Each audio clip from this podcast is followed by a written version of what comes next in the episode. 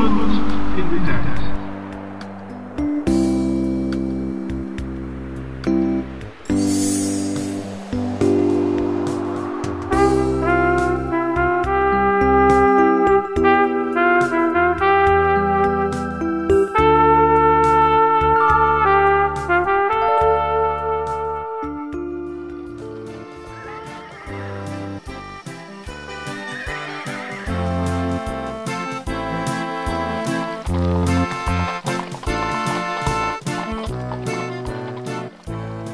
Deze week, luisteraars, had ik een interview met de beroemde Belgische bassist Roger van Haverbeke.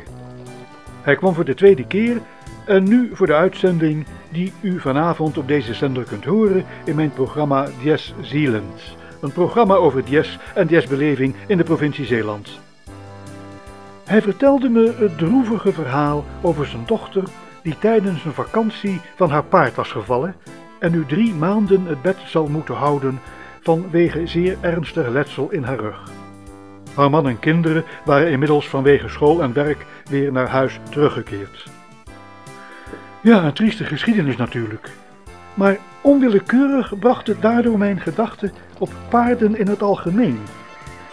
Ach, misschien ook wel omdat dezelfde Roger het had over Fernandel, de beroemde Franse filmkomiek. De man met het zo sympathieke paardengebit. Paarden, veel besproken in spreekwoorden. Op het verkeerde paard wedden. Het paard achter de wagen spannen. Je mag een gekregen paard niet in de bek zien. Moet het eigenlijk geen eh, mond zijn? Je zegt toch ook geen poten als je over een paard spreekt, maar benen en hoofd. Het paard van Sinterklaas en het paard van Troje zijn ook bij een ieder bekend. En in de kerstvakantie stuurde mijn moeder me eens twee dagen voor nieuwjaar naar de markt, omdat daar een paard zou staan dat net zoveel ogen had als er nog dagen in het jaar waren. Ja, en ik hoopvol de hele morgen daar in de sneeuw staan kijken, maar al wat ik zag was het paard van de groenteboer, en dat had maar twee ogen in zijn hoofd. Toen ik half bevroren thuis kwam, zei ik, nog altijd denkend dat ze een paard bedoeld had met wel honderden ogen. Ik heb alleen maar het paard van Pauwelsen gezien en dat had maar twee ogen. Nou, zei ze grinnikend, dat klopt toch? Want er zijn nog maar twee dagen in het jaar over. Ik was teleurgesteld, maar zij was natuurlijk mooie morgen van me af geweest. Paarden, ja, op zichzelf prachtige dieren natuurlijk. Maar mijn stokpaardje is dat ik er altijd een grote angst voor heb gehad.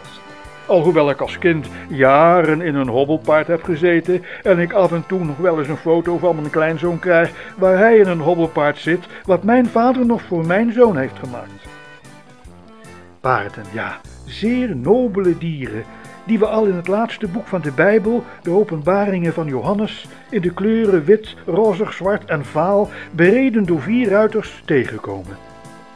Juist ja, de apocalyps, ofwel het einde der tijden, massale uitroeiing van de mens, waarna deze zou herrijzen in een nieuwe wereld met een nieuwe aarde en een nieuwe hemel. Ja, de angst was vaak een middel om brave burgers in het gareel te houden. Misschien heb ik zelf mede daardoor zo'n angst voor paarden. Maar paarden hebben in mijn leven veel meer tot mijn verbeelding en belevingswereld bijgedragen. Zo herinner ik me natuurlijk de fraai uitgedoste stoere circuspaarden, al dan niet bereden door prachtige, glimlachende en volgens mij alleen maar naar mij zwaaiende dames. Of de paarden van de carousel op de markt in Middelburg, die mij steeds ademloos deden toekijken al moet ik zeggen dat de weelderige buste van de dochter van de baas van de carousel mij ook vaak in verwarring bracht. Ja, en er was er ook nog in de Gravenstraat in Middelburg in die tijd een paardenslager, waar ik van mijn moeder op zaterdagmorgen in alle vroegte nog wel eens vlees moest halen. Gek, maar dat eten de mensen blijkbaar vandaag de dag niet meer. Ik zou tenminste niet weten waar ik het moest halen, maar voor zover ik het me herinner, smaakte het heerlijk. Maar ja, je was natuurlijk in die tijd hooguit twee keer vlees per week gewend en het paardenvlees zal toen ongetwijfeld goedkoper geweest zijn. Ik herinner me ook nog als de dag van gisteren dat er tussen de middag bij ons in de straat altijd een paard en wagen van Van Gent en Loos stond. Nou had ik niet zoveel op met de paarden van Van Genteloos, want ik was al eens bij het van school naar huis lopen door één ervan venijnig in mijn rug gebeten.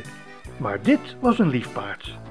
De voerman van dit span, mijn buurman dus, was dan thuis de maaltijd aan het gebruiken en het paard stond zelf te smikkelen uit een grote zak haver die aan zijn kop, eh, pardon, hoofd was bevestigd.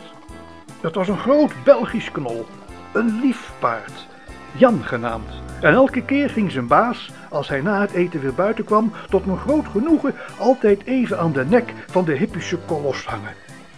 Ik weet nog dat de arme man niet in zijn nopjes was toen hij jaren later rijles moest gaan nemen. Paard en wagen werden vervangen door een grote vrachtwagen. De vooruitgang. Een paar jaar later, tijdens een vakantie in Vrouwenpolder, ging ik lekker werken bij de molenaar en maakte zodoende kennis met dienstpaard Prins. We reden de hele dag met meel naar de boeren in de buurt en op een dag mocht ik helemaal alleen met Prins naar de hoefsmid in het dorp. Doodsangsten heb ik uitgestaan omdat het beest altijd zo schrok van de bussen van de stoomtram Walcheren en dan in de sloot wilde springen.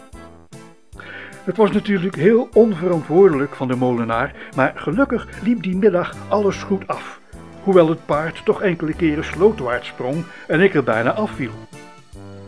Maar ja, zo verdween het paard helaas langzamerhand uit het straatbeeld. En verdwenen ook de rokende hopen en enorme plassen die hij zo af en toe achterliet. Maar niet voordat ik een keer met mijn reeds eerder genoemde buurman mee mocht op de wagen van Van Genteloos. Trots zat ik naast de voerman en de hele dag ging het langs huis, winkel en kantoor om overal pakketten af te leveren.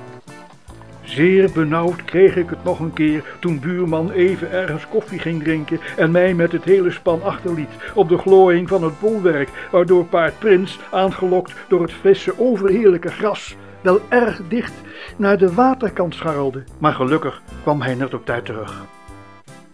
Maar dit verhaal krijgt toch nog een onwelriekend staartje. Aan het eind van de middag voelde ik een natuurlijke aandrang in mijn darmen maar ik durfde hierover niets te zeggen en kneep mijn billen dus maar stijf dicht. Eindelijk kwamen we bij de stallen, die, merkwaardig genoeg, waren ondergebracht in de oude Latijnse school in de Latijnse schoolstraat. En omdat ik zeker toen nog mens sana in corpore sano was, oftewel ik had een gezonde geest in een gezond lichaam, moest ik erg nodig en fluisterde in het oor van mijn buurman wat er aan de hand was. En die wist wel, uh, laten we zeggen, een paardenmiddel, want hij zei... Oh, uh, doe het maar even tussen de paarden. Met doodsangst keek ik naar die zes of acht paardenbenen die voor me in het stro stonden te stampen en dacht... Nee, dat nooit, dan hou ik het liever nog maar even op. Maar dat durfde ik niet te zeggen. Even later reden we naar huis, maar nu niet meer met het paard en wagen, maar mochten we in de cabine bij de bestuurder van zo'n grote nieuwerwetse vrachtwagen die juist door Van Gentenloos was aangeschaft. En of het nu kwam door het hotsen en botsen van die auto met zijn vele pseudo-paardenkrachten, of dat ik te veel van mijn sluitspier had gevergd, weet ik niet. Maar om kort te gaan, luisteraars, het ging helemaal fout, als u begrijpt wat ik bedoel. Een penetrante geur bedierf de atmosfeer in de cabine en men keek mij enigszins verwijtend aan. Ik zelf zei niets, maar voelde het schaamrood naar mijn kaken stijgen. Het was in twee opzichten een historisch moment, want later in het jaar reed ook mijn buurman met een grote vrachtwagen en was, vrees ik, het paard Jan in de winkel van Slager Lijnse verdwenen. En het enige paard waar ik in de toekomst nog mee te maken zou krijgen, was het paard van de gymnastiekvereniging Achilles. En dat heeft me nooit gebeten. Dit was Johan Senke, dolend in de tijd.